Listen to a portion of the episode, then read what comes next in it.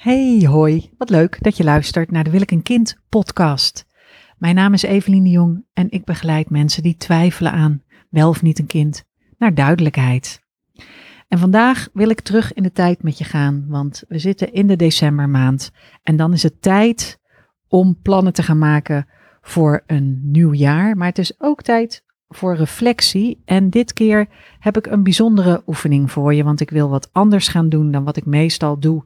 Is een evaluatie van het jaar en dat raad ik je nog steeds aan. En uh, ik zal een, uh, een link delen in de nieuwsbrief van hoe je je jaar kunt evalueren op een prettige manier. Maar vandaag wil ik het met je hebben over wat we over het algemeen doen, is doelen stellen voor het nieuwe jaar. Ik neem altijd voor het nieuwe jaar één woord. En de afgelopen drie jaar was dat woord focus.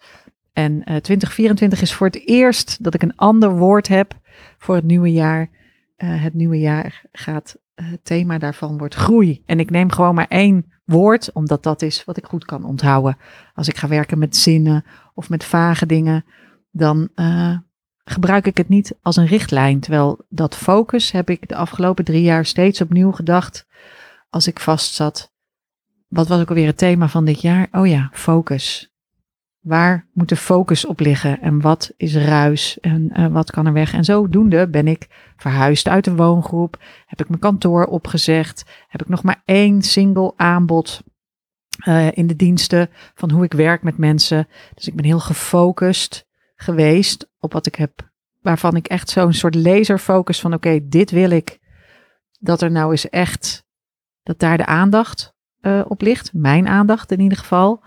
En ik ben nogal snel afgeleid, in ieder geval in mijn hoofd. En uh, voor het volgend jaar is dat groei. En de oefening die ik met jullie wil delen, komt eigenlijk omdat ik een aantal dingen aan het doen was, waardoor ik ineens dacht: oh ja, we stellen altijd doelen voor het volgende jaar. En ik vind nog steeds dat je het jaar dat achter ons ligt moet evalueren. Dat is wat Oprah Winfrey zegt. Ik ben nu waar ik ben omdat ik altijd zoveel aandacht heb besteed aan wat me overkomen is. Uh, of I am where I am because I paid so much attention to where I uh, what happened to me in the past year. Nou, dat vind ik een hele, wij, een hele wijze les. Maar in de plaats van doelen stellen, kwam ik al puzzelend op een ander idee, namelijk wat als je nou eens je angsten inventariseert. In de plaats van goal setting aan fear setting doen. En toen ik dat eenmaal bedacht had en ging googlen, kwam ik uit bij Tim Ferriss. En uh, nou, iedere, iedere zichzelf respecterende self-help lezer uh, zeg, weet dat er een aantal grote namen zijn. Dus je hebt Stephen Covey en Tim Ferriss is van de 4-Hour Work Week. Maar hij heeft dus ook een TED-talk gegeven over fear setting. En toen ik dat las en ik keek ook net naar de documentaire reeks, of het is niet eens, ik weet niet wat voor reeks het is, van de omroep Human op NPO Start. Waar ik een groot fan van ben, mensen. Minder, net, minder Netflix, meer NPO. Zeker in deze tijden. Een briljante serie, zijn maar vier afleveringen, therapie. En ik was uh, ziek. En toen heb ik voor, bij hoge uitzondering, mocht ik in mijn bed naar mijn laptop kijken. Ik vind eigenlijk dat laptops niet in de slaapkamer mogen. Maar omdat ik ziek was, mocht ik in bed mijn laptop. En toen heb ik vier afleveringen van de therapie gekeken. En ik heb dadelijk nog een quote uit die serie. Maar ik wil je dus meenemen. Dit is een soort eindejaarsevaluatie. Ik wil je meenemen naar het jaar 2008.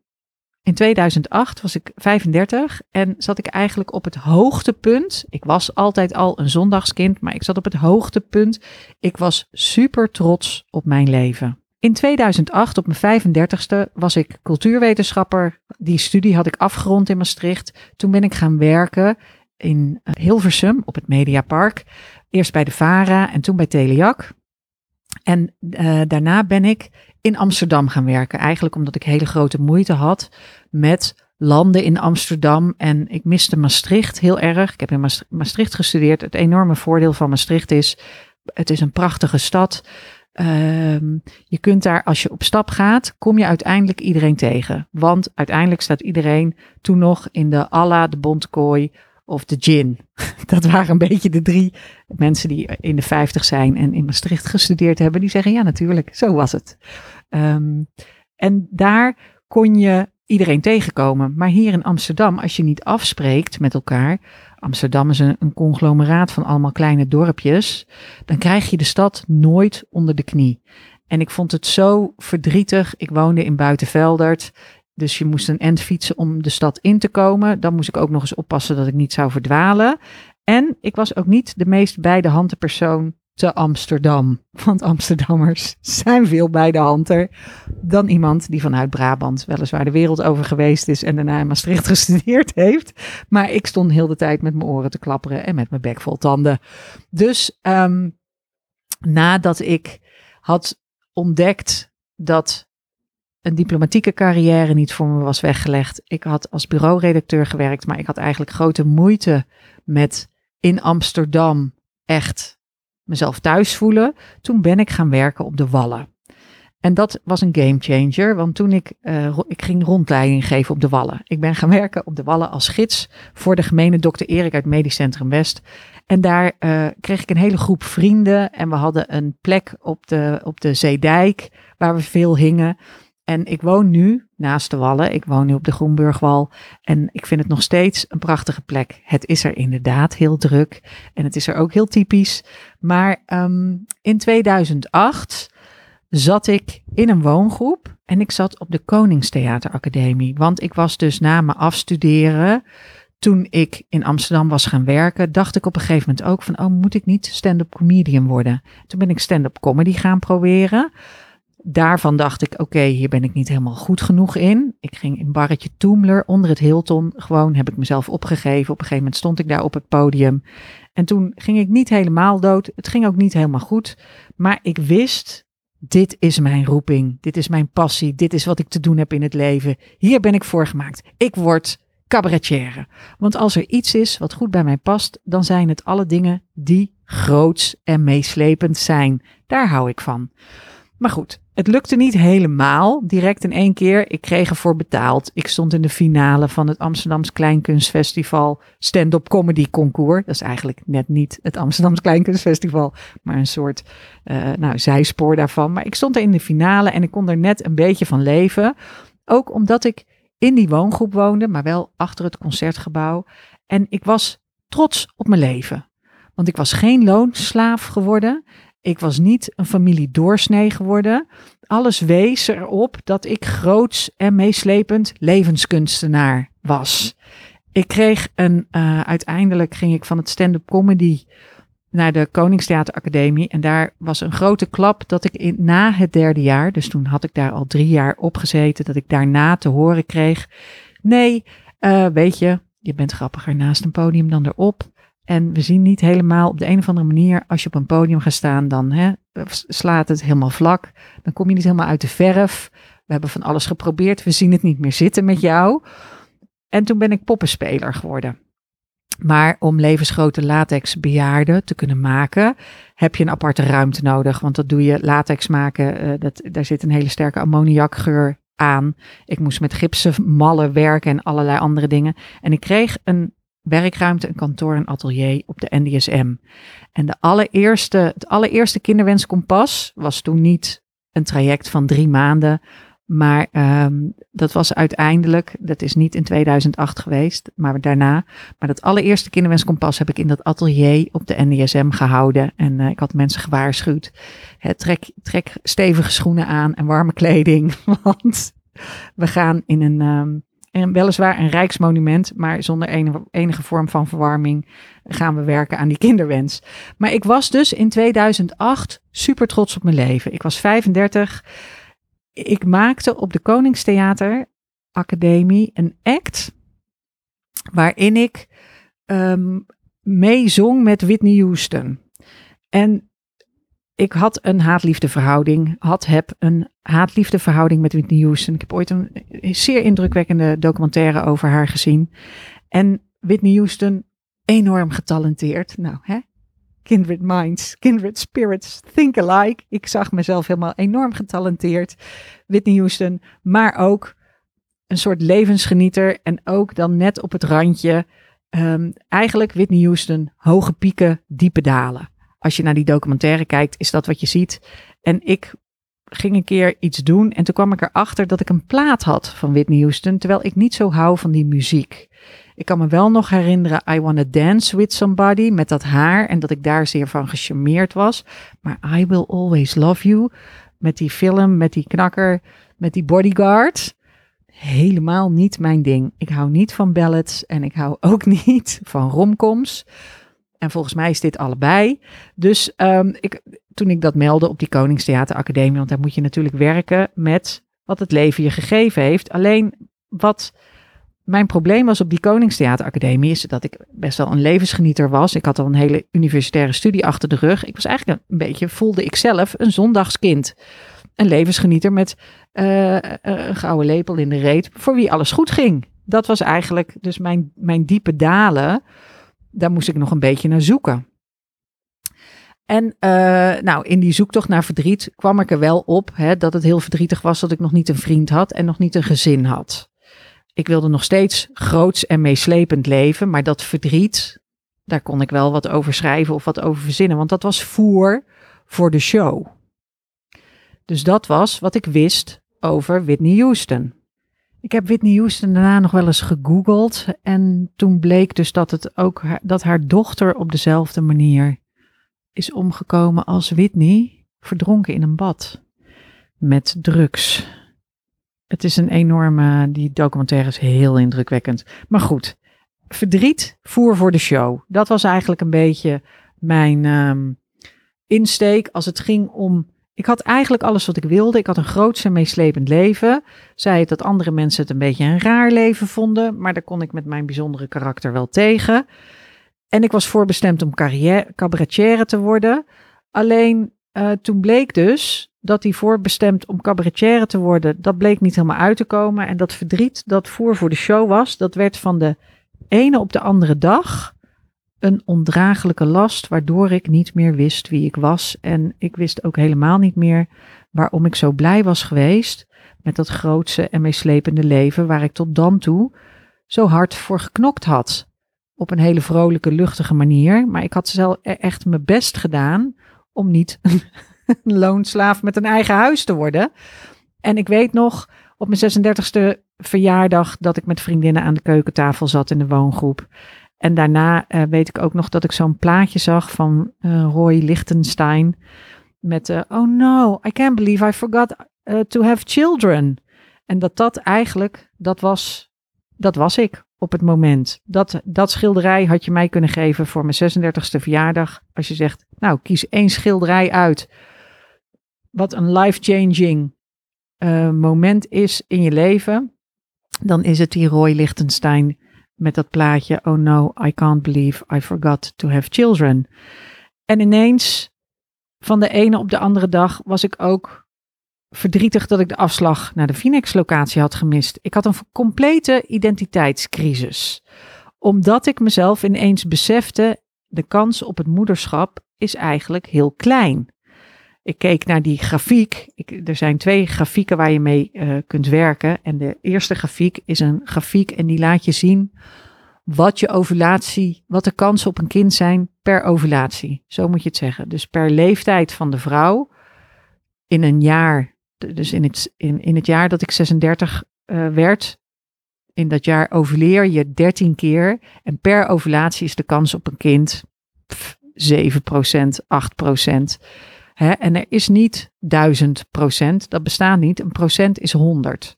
Dus van de 100 pogingen slagen er 8. Nou, als je daar een beetje over nadenkt, dan word je daar heel, heel, dan kom je, het is een beyond verdrietig identiteitscrisis ik besefte mezelf, de kans op het moederschap wordt kleiner. En mijn leven is mislukt. Het verdriet is niet voer voor de show, maar het, het verdriet is zo groot dat ik mezelf niet meer herken. Het verdriet is niet iets wat ik bij me draag, het verdriet is iets waar ik helemaal in zit, wat mij volkomen omgeeft, waar ik helemaal in verdrink. En niet alleen ik herkende mezelf niet, anderen herkende mij ook niet. En dat is dus, uh, dit heb ik ook al vaker verteld, dat, maar dat mijn zus mij uh, naar de huisarts stuurde om te zeggen vraag om psychische bijstand. En dat de huisarts door mijn gesnotter heen gewoon op een briefje schreef. Uh, ja, psychische bijstand inderdaad gewenst wegens onvervulde relatie en kinderwens. Maar wat doe je nou bij een psycholoog? Bij een psycholoog praat je over je angsten. En daar moest ik aan denken toen ik de serie Therapie keek. Dames en heren, kijk die serie Therapie van de omroep Human waar ik nog lid van moet worden. Ik was altijd VPRO-lid, maar Human maakt ook fantastische programma's. NPO Start heeft een briljant aanbod. Kost 3 euro per maand, zeg je al die anderen op. Lees je af en toe een boek. Maar goed, dat is een beetje wijsneuzerig gezegd van mij. Er is een serie, er zijn nu vier delen. Ik hoop dat er nog meer komen. Er is een serie die heet Therapie. En daar zie je mensen in therapie zitten. Er zijn een aantal therapeuten die gefilmd worden. En die eh, camera's staan verdekt opgesteld. Die therapeuten worden gefilmd tijdens een sessie. En daarna wordt de, um, de, de coachie, de klant, degene die de therapie krijgt, de therapieafnemer, die wordt vervangen door een acteur en die speelt dat na. Dus de stemmen worden ingesproken door een acteur. Maar letterlijk zoals ook in de opnames zijn geweest. Dus je kunt geen mensen herkennen, maar het zijn wel letterlijke um, weerspiegeling nagespeeld dus van wat er echt gebeurt. En je ziet de therapeut echt in die sessie zitten. En ik uh, mocht dus van mezelf in bed die serie kijken. En ik heb hem uh, gestopt en ben gaan schrijven. Toen, want er zijn dan ook nog BN'ers die praten over hun therapiesessies. Dus je hebt Hanneke Groenteman, je hebt uh, nog twee andere, een schaatser, nog een presentator, Jurgen Geluk heet hij. Jur, Jur, Jurgen Geluk, weet niet. Die praten over uh, hoe het was voor hun om therapie te krijgen. En soms zitten ze nog in therapie. Dus het zijn hele openhartige BN'ers die zeggen therapie.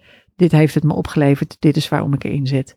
En een van hen was Sosja. Ik denk dat ik het zo uitspreek. Sosja Duisker.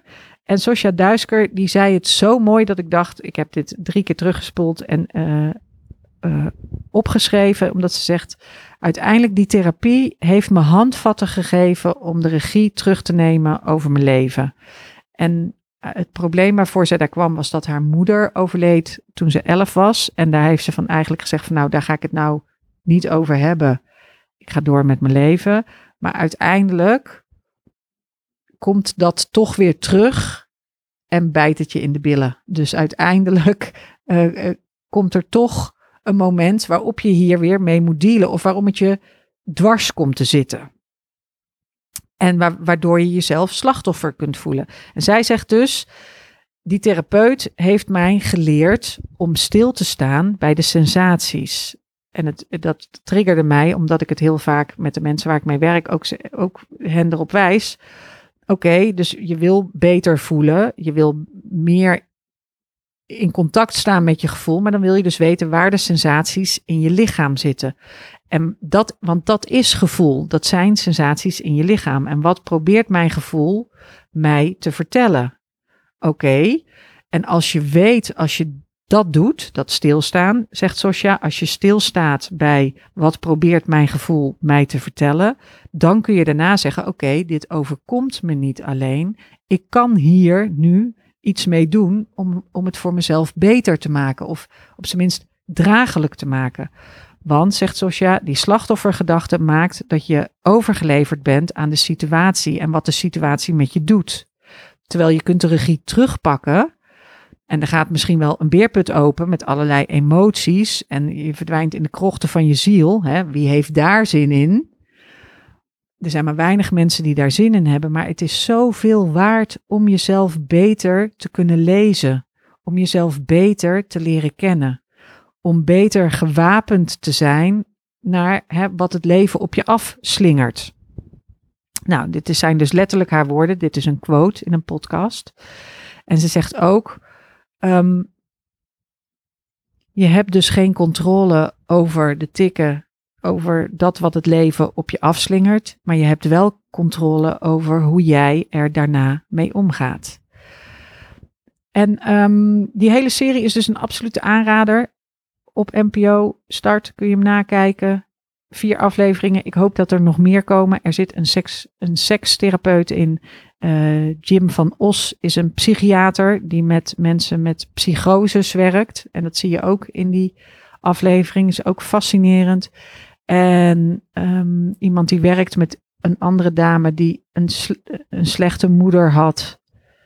Daar kan die moeder ook niks aan doen. Ik hoor het mezelf zeggen en ik denk, nou, dat is ook niet aardig. Maar zij vertelt, ze heeft iedere moederdag, is voor haar heel zwaar, omdat haar moeder gewoon niet de beste mogelijke moeder voor haar was. In ieder geval, absolute aanrader, afleveringen van 40 minuten therapie van de Human. Terug naar mijzelf. In uh, eh, 2008 zat ik dus, was het een hoogtepunt in mijn bestaan. Ik dacht, wauw, het gaat fantastisch. En vlak daarna mijn relatie ging uit. Ik werd van die theateracademie afgekikt. En ik realiseerde me ineens, kijkend naar zo'n grafiek over de vruchtbaarheid van vrouwen. Kak.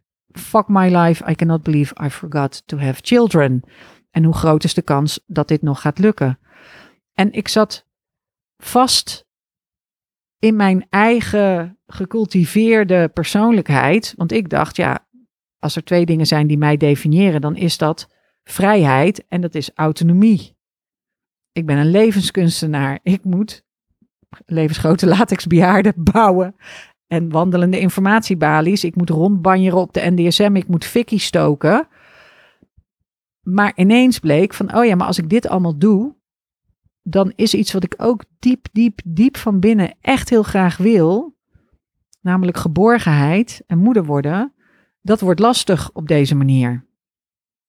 En ineens vond ik dat prijskaartje. En het was alsof ik het toen pas in één keer zag. Alsof in één keer een onzichtbare hand over de tafel schoof met een bonnetje van oké, vrijheid en autonomie, dat kost u. En de kosten waren te hoog. En ik had in die tijd, en dat is nog steeds trouwens, mijn levensmotto: datgene waar je energie in steekt, groeit. Dus ik had in die tijd al mijn energie gestoken in het vervolmaken van het levensgenieten en van lage lasten kunnen leven en van vrij zijn en van kunnen rondbanjeren en fikkie stoken en van alles wat voor mij dan groots en meeslepend uh, leek. Maar wat ik niet wist en, en waar ik uh, lang en hard aan heb moeten werken, is dat ik op de vlucht sla als dingen pijnlijk worden. En soms is een op de vlucht slaan of een pauze inlassen helemaal niet erg. Dus als je jong bent, en dat is ook werk wat ik doe in het kinderwenskompas, als je in je jeugd jezelf onveilig voelt of er is iets mis, dan kom je met een oplossing waar je op dat moment toegang tot hebt. Omdat je niet een verantwoordelijke volwassene bent die alle mogelijkheden tot zich heeft. Je bent een kind en je moet gewoon overleven in de situatie waar je in zit. En mijn idee is als dingen pijnlijk worden of lastig worden, dan ga ik de clown uithangen en dan ga ik grapjes maken of dan ga ik de sfeer beter maken. En dat is als je een kind bent, is dat heel goed hè, om de situatie wat beter te krijgen. En, en om het minder ellendig voor jezelf als kind te maken. Maar als je 36 bent en je weet dat je diep van binnen een fijne relatie wil en ook geborgenheid, maar je kunt niet stoppen met fikkie stoken, en je pheromonenmatch teksten, dan wordt het, dan zit je jezelf dwars. En wat daarin belangrijk is, is dat er zijn verschillende obstakels. Zeker als het gaat om de vraag: wil ik wel of niet een kind? En sommige obstakels, die zijn gewoon een dead end. Dat is een stopbord. Dat is een, deze weg is niet toegankelijk voor jou. Dat is een afgesloten pad. En het kan zijn dat je een eindje een pad opwandelt en dat je dan dat stopbord tegenkomt en dat je denkt, oké, ik keer om. Dit, dit, dit is niet de weg voor mij, hier hoef ik niet op te gaan. En sommige obstakels zijn een katalysator voor persoonlijke groei. Sommige obstakels, daar moet je doorheen. En het verschil tussen die twee is heel moeilijk te ervaren, is heel moeilijk te erkennen. Want het betekent dus dat je, mijn motto was energie steken in de dingen waarvan je wil dat ze groter worden. En dat maakte ook dat ik absoluut geen energie stak in problemen. Want waarom zou je willen dat je problemen, je pijn en je angsten groter worden. No way.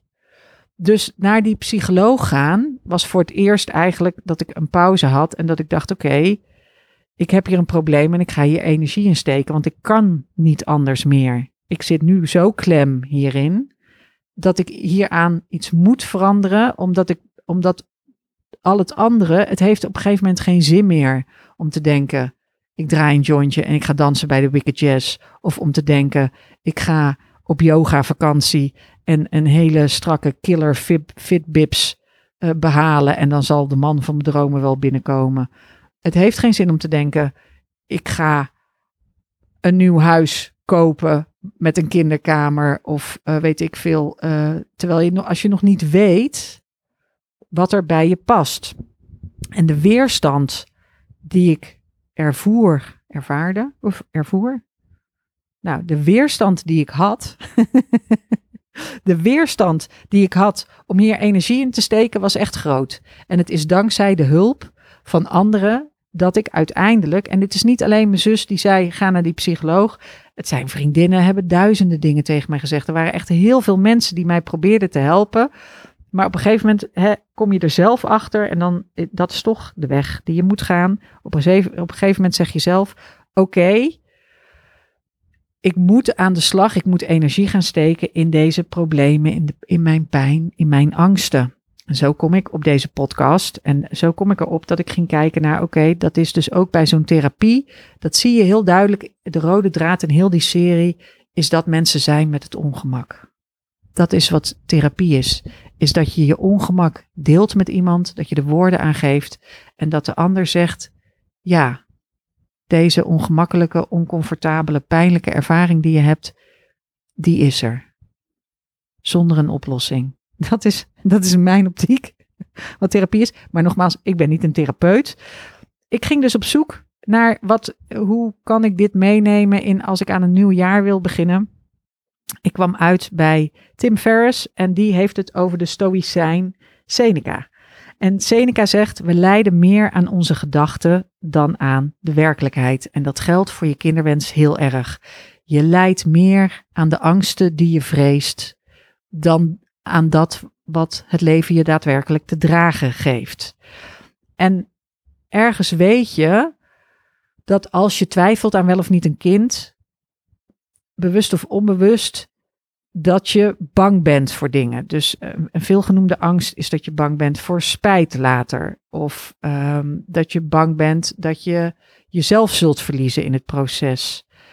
Wat ook zo is, is dat angst een slechte raadgever is. Dus daarom lijkt het misschien uh, uh, paradoxaal dat ik nu zeg van, goh, hè, we gaan onze angsten eens een keer als doel stellen om, om die angsten aan te gaan voor het nieuwe jaar. In de plaats van gewoon doelen stellen en een plan van aanpak en dat behalen. Maar voor die kinderwens is het doelen stellen en een plan van aanpak en um, deadlines zetten, is vaak niet voldoende. Omdat er obstakels in jouzelf zitten die je dwars zitten. En dat komt omdat het kinderwensbesluit in de essentie, in de kern, echt een moeilijk besluit is. Het is een besluit dat geen goed of fout antwoord kent, alleen maar een persoonlijk antwoord. En vroeger gaf ik de mensen de opdracht: uh, beschrijf een worst case scenario en beschrijf een best case scenario. En dan tussenin een likely case scenario. Dus wat is het ergste wat er kan gebeuren? Wat zou een sprookje zijn voor de toekomst? En wat is als je die twee naast elkaar legt, nou een waarschijnlijk scenario waarvan je denkt: oké, dit is wel eens wat er zou kunnen gebeuren.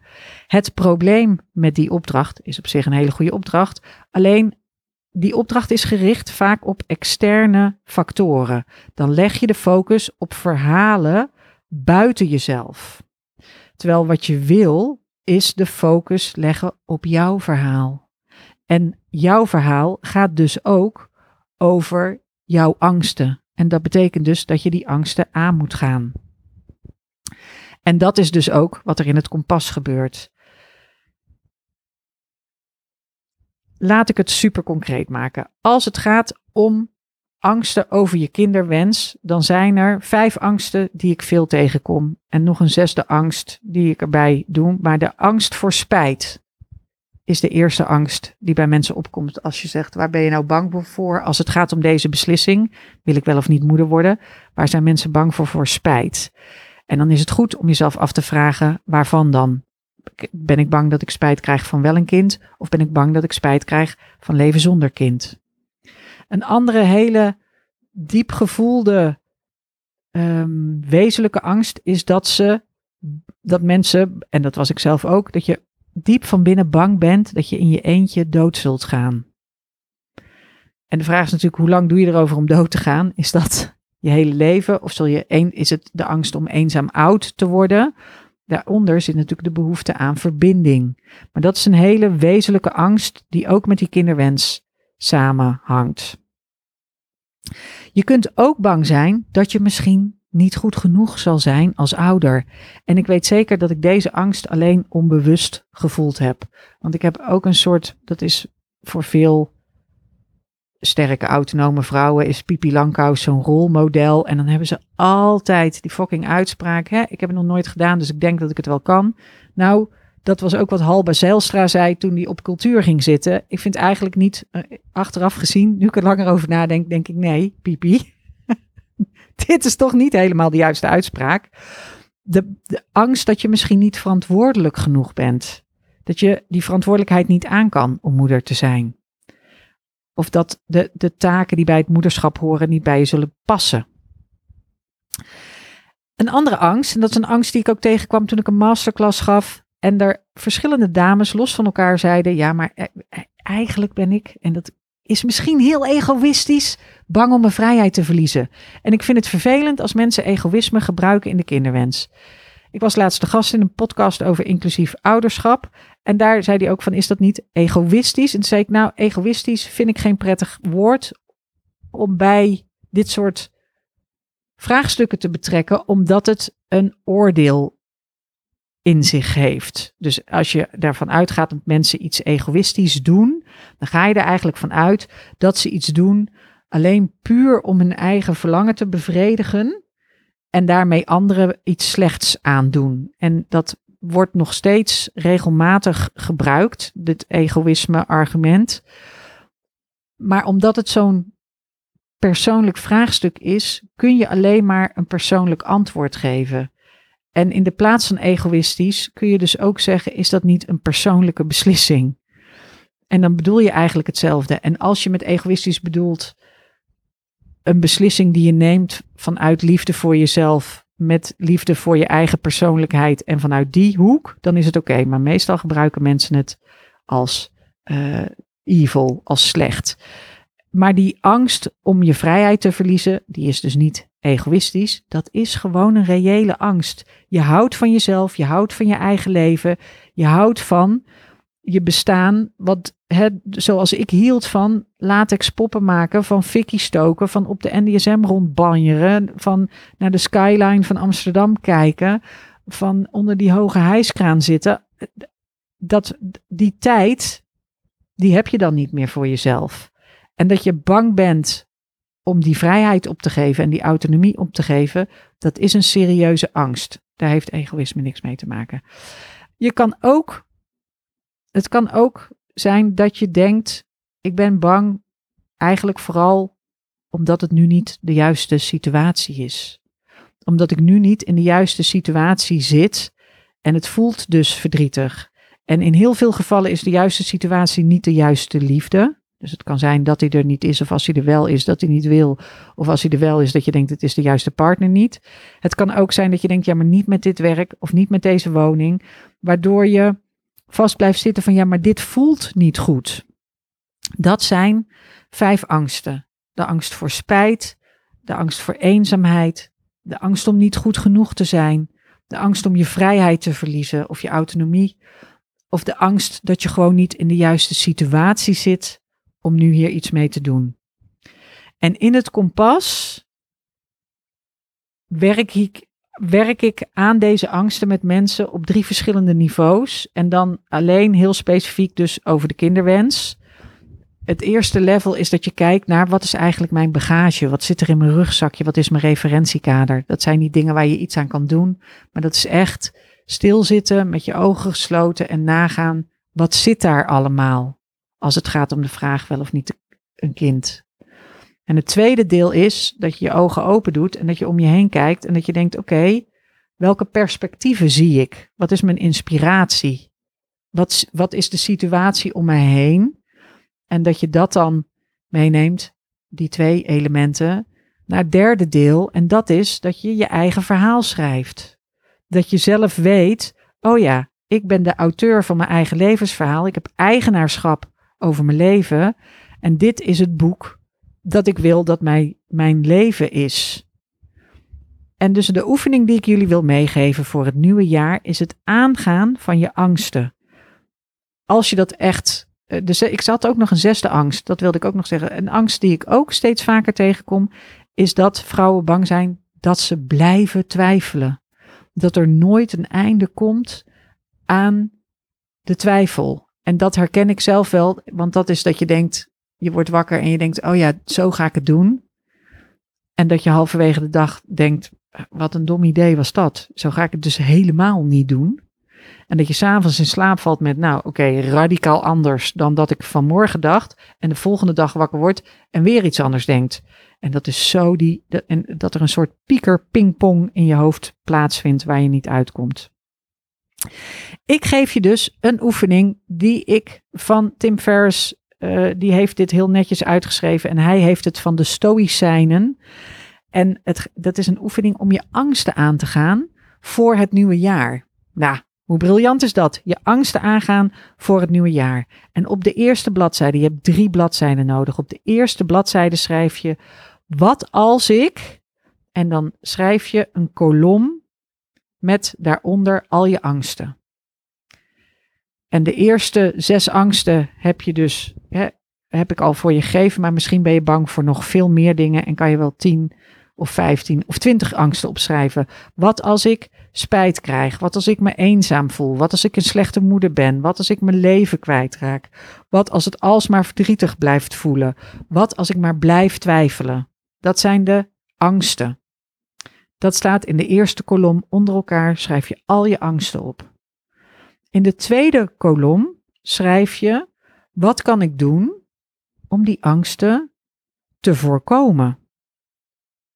En in de derde kolom schrijf je: zijn er dingen die ik kan doen dat als ik in die situatie terechtkom waar ik bang voor ben, dat ik ze kan herstellen, dat ik het kan repareren? Dus in de eerste kolom schrijf je al je angsten. In de tweede kolom, wat kan ik doen om dit te voorkomen? Wat kan ik doen om de kans te verkleinen dat ik spijt krijg? Wat kan ik doen om de kans te verkleinen dat ik eenzaam oud word? Wat kan ik doen om de kans te verkleinen dat ik, geen, dat ik een slechte moeder zal zijn? Wat kan ik doen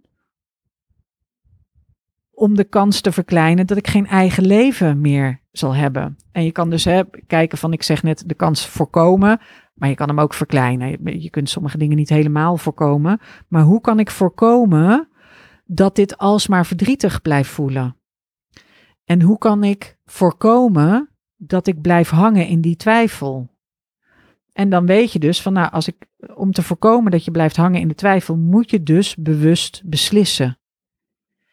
En dan weet je nog niet per se hoe je dat gaat doen, maar daar kun je dan werk van maken. En dan kom je bij de derde, dus hè, dat bewust beslissen. Dat kinderwenskompas helpt je daarbij, bedenk ik me ineens. Maar als dat niet voor je is, dan zijn er andere manieren.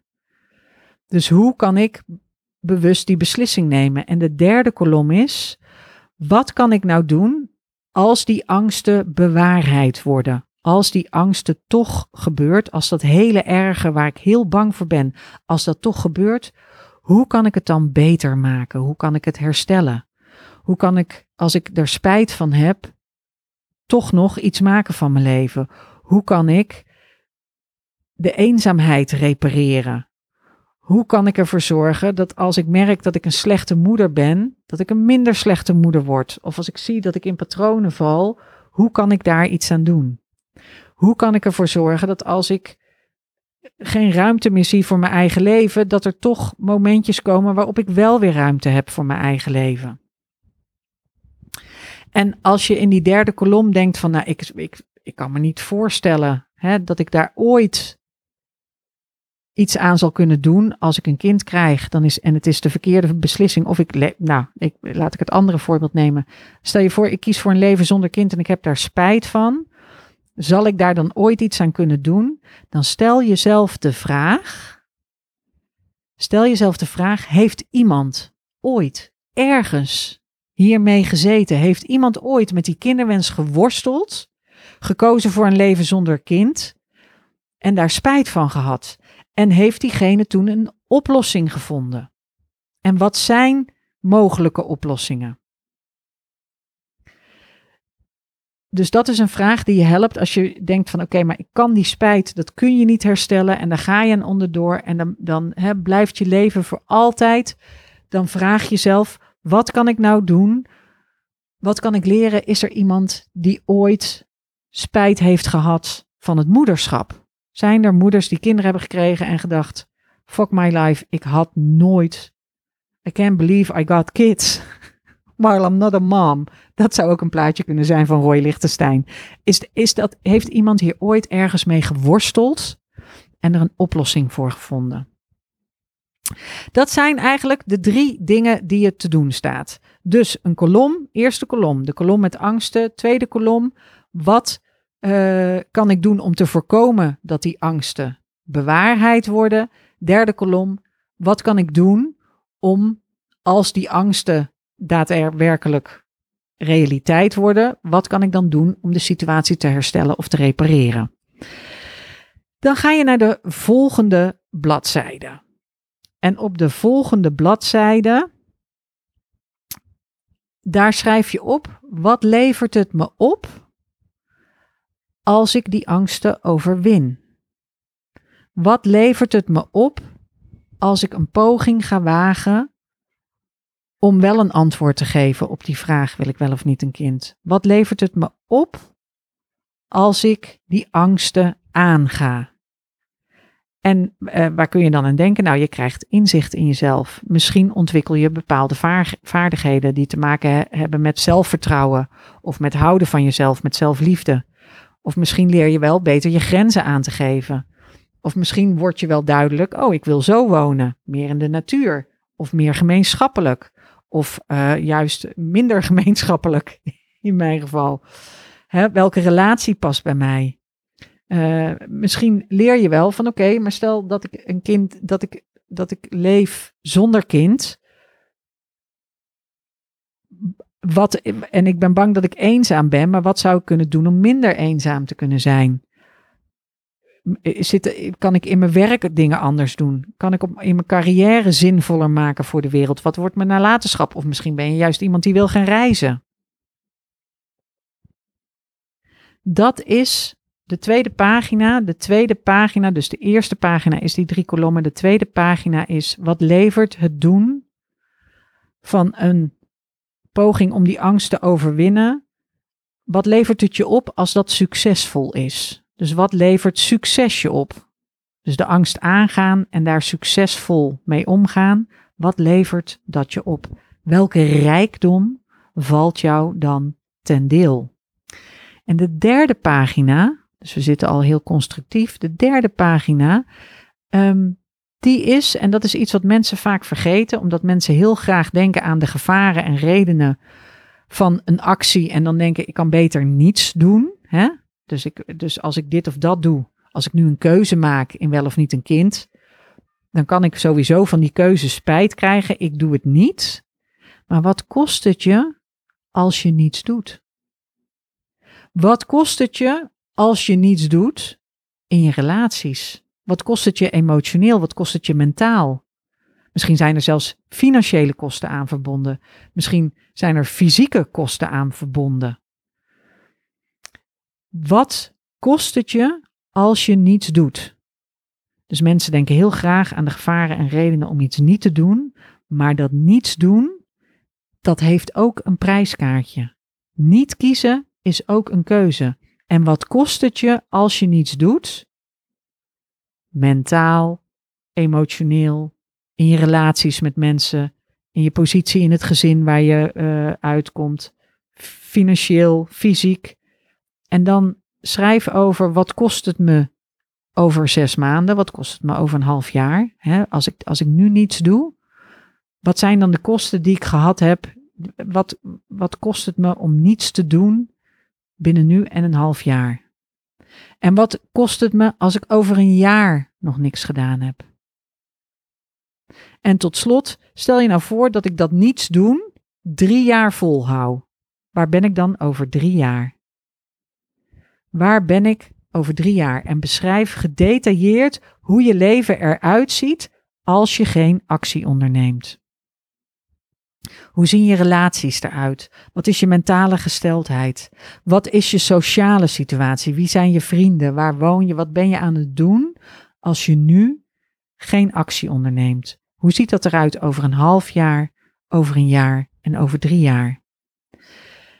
En in het kompas werk ik zelfs met veel verder weg. Hè. Dan gaan we echt, dan krijg je echt een, een lange termijn toekomstperspectief. Dat is wat je nodig hebt om eigenaarschap te hebben van jouw verhaal. Maar als je deze oefening doet, dan zou ik stoppen bij drie jaar, want daarna wordt het vaag en, en fantaseren. Een half jaar en een jaar zijn heel goed omdat je weet van, oh ja, maar dit is ook als je doelen zou stellen, zou je ze ook daar, daar stellen. En het is ook goed om te zien van, oké, over drie jaar, welke leeftijd heb ik dan?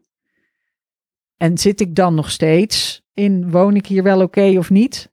Want je kan ook in drie jaar gaan zoeken naar een ander huis. Vind ik een redelijke tijd. Binnen een jaar een ander huis vinden, vind ik krapjes. Ehm, en sowieso vind ik niet dat als je met je kinderwens worstelt, dat je aandacht moet besteden aan hoe je woont. Terwijl dat vaak voor mensen wel een onderwerp is. Maar dat kan vaak dan iets later ook nog. Maar dus over drie jaar, waar zou je dan zitten als je hier dan nog niet duidelijkheid in hebt? En dan is de vraag die je jezelf stelt, hè, in die, op die laatste pagina, welke kosten zitten er aan niets doen en dan kom je erachter, is eigenlijk het wel een optie om nu geen actie te ondernemen? En als je nou kijkt, want het grote probleem van die angsten is dat ze je nu pijn doen. Dus als je nu bang bent voor iets, dan, dan verlamt dat je nu. Maar die kosten die het met zich meebrengt over een jaar of over drie jaar, of over een half jaar, die, die ervaar je nu niet. Iedere keer als je denkt, oh, ik ga er aan beginnen, ik ga er iets aan doen, dan ervaar je niet van, oh, over drie jaar zal ik hier echt knijter veel last van hebben. Nee, dan denk je, ja, maar nu wil ik liever. Evelien zei, kijk therapie op NPO Start. Ik ga even een abonnementje NPO Start uh, uh, afnemen en die serie kijken. Dat is het eerste wat ik ga doen. Ik ga niet, ik ga niet die angsten aan. En dan daarom geef een cijfer aan kolom 1. Hoe bang ben ik voor spijt? Hoe bang ben ik voor eenzaam zijn? Of gebrekkige verbindingen? Hoe bang ben ik voor dat ik misschien eigenlijk wel een slechte moeder zou zijn? Hoe bang ben ik ervoor dat ik mijn vrijheid en mijn autonomie verlies? Hoe bang ben ik ervoor dat dit altijd verdrietig zal voelen. Altijd als een plan B. Altijd als uh, het falen van mijn leven. Hoe bang ben ik daarvoor? Hoe bang ben ik om vast te blijven zitten in de twijfel? Dan geef je gewoon een cijfer van 1 tot 10. 10 is enorm grote angst. En 1 is helemaal niet angst. Ik heb hier eigenlijk helemaal geen last van. En dan kijk je bij kolom 3 wat kost niets doen me? En daar geef je ook een cijfer aan. Wat kost het me als ik niets doe aan de spijt? Dus als ik niet, uh, wat kost het me als ik blijf twijfelen? Wat kost het me als ik niet die angst aanga? Wat is dan, wat zijn de kosten? Ik zeg kolom 3, maar ik bedoel bladzijde 3. Wat kost niets doen me? Dus dan kijk je naar de, naar de verhalen die je hebt opgeschreven op de derde pagina. Wat kost het me als ik niets doe? En dan kijk je hoe erg is dat voor mij? Waarbij een 1 is helemaal niet erg en waarbij een 10 is verschrikkelijk. Fuck me, kill my life. Nou, dit is de podcast over je angsten stellen voor het nieuwe jaar in de plaats van je doelen stellen voor het nieuwe jaar. En um, dan wil ik nog afsluiten met iets wat ik zag in de TED-talk van Tim Ferriss. En uh, daarin uh, zei iemand tegen hem: Kijk, moeilijke beslissingen zijn moeilijk. Dan ga je je angsten aan. Maar, en dat blijft moeilijk, maar als je moeilijke beslissingen neemt, dan maakt het uiteindelijk je leven makkelijker. Als je alleen maar makkelijke beslissingen neemt en als je die angsten uit de weg gaat, dan maakt het je leven moeilijker. Dus als je een makkelijker leven wil, nou, dan moet je bij mij zijn. Want dan uh, help ik je, zeker als je vastzit in angsten op het gebied van de vraag wel of niet een kind. Dan mail me en geef jezelf op voor het kinderwenskompas. Want ik kan je helpen aan duidelijkheid en ik kan je door die angsten heen loodsen. En aan het eind weet je, is er rust en ruimte als je door die angsten heen gaat, de dingen waar je bang voor bent, als het gaat om de vraag wel of niet een kind, als je voorbij de kinderwenstwijfel komt, dan is er duidelijkheid. En dan is er rust en ruimte voor een toekomstperspectief. En dat zie ik bij alle vrouwen waar ik mee werk.